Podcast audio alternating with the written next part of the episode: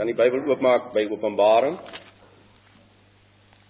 Ons gaan voort met die gemeentes en dis vanmôre Openbaring 2 vanaf vers 12.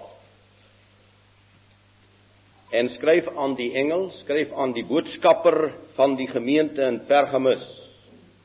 Dit sê hy wat die skerp tweede tweesnydende swaard het. Ek ken jou werke en die plek waar jy woon, waar die troon van die Satan is. En jy hou vas aan my naam en het die geloof in my nie verloor nie.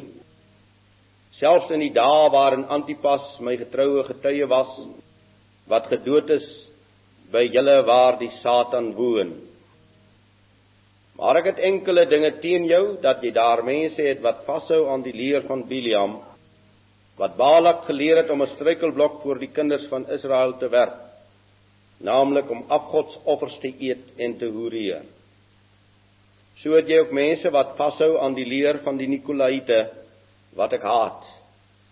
Bekeer jou Anders kom ek gou na jou toe en sal teen hulle oorlog voer met die swaard van my mond.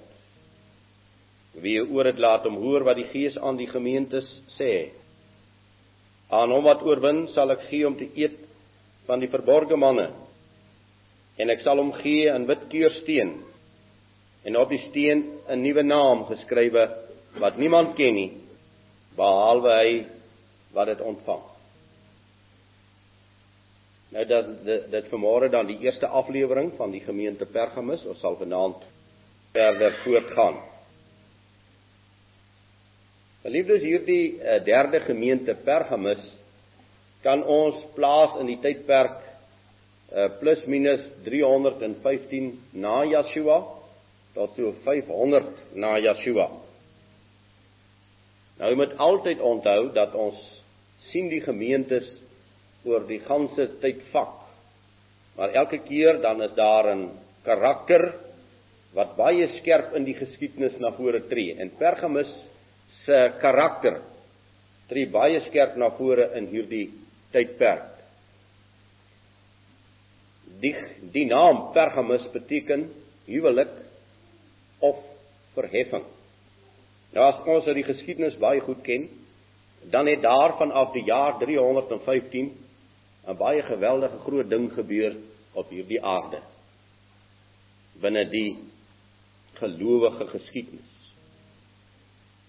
Tot by daardie stadium is die gelowiges vanuit die eerste eeu geweldig verdruk, doodgemaak, vernietig, vervolg.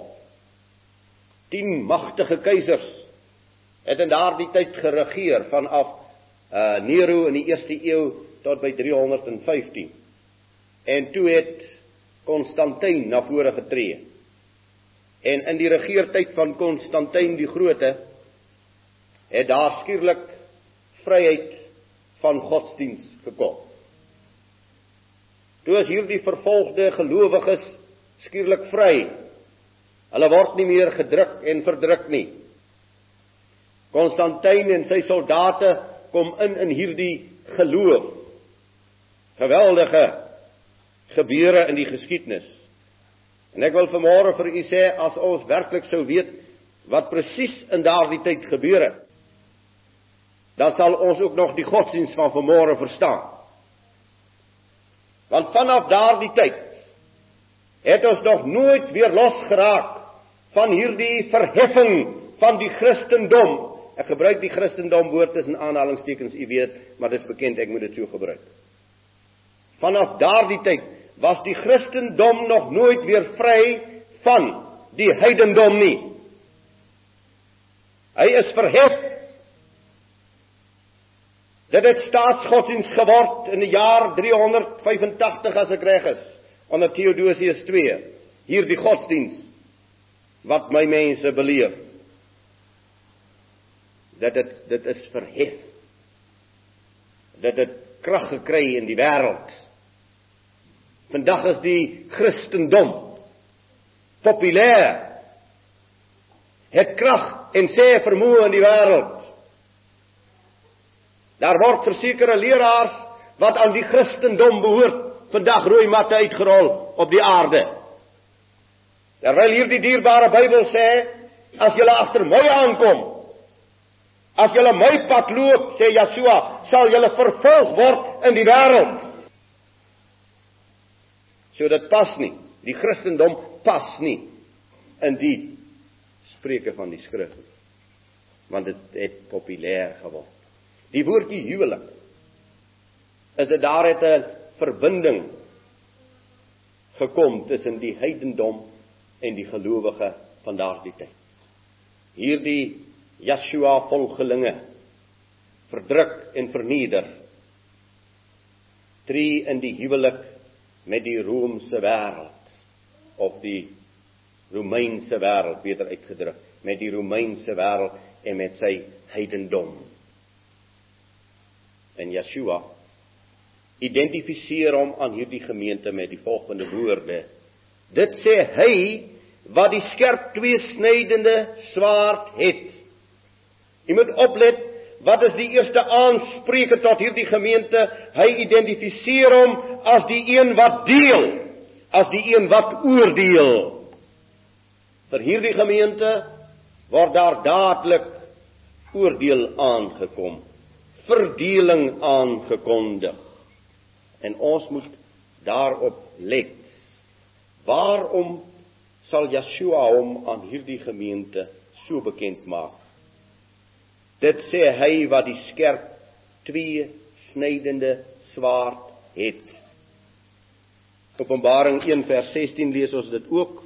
En in sy regterhand het hy sewe sterre gehou en 'n skerp twee snydende swaard het uit sy mond uitgegaan. Ons het onmiddellik die skerp geweldige woord wat na vore tree in hierdie gemeente. Nou, u weet, my ondervinding was deur die jare as leraar dat die mens hou nie van die skerp twee snydende swaard nie. Daarom sê die woord ook dat die mens vir hom leraar sal aanstel wat hom in sy gehoor sal streel. Omdat die mens hou nie van hierdie verdeling nie.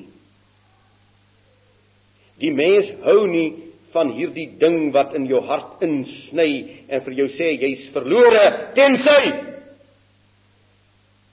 Die mens hou nie daarvan om op sy sonde gewys te word nie. Die mens hou nie daarvan om daarop gewys te word dat jy verdwaald is nie. Hy wil getroos word en gepamperlang word en vandag sit ons met 'n Christendom wat so gehumaniseer het dat alles is reg. In in elk geval nie net reg nie, die goddeloosheid het nou reg geword en die korrektheid het verkeerd geword in so Christendom leef ons vandag.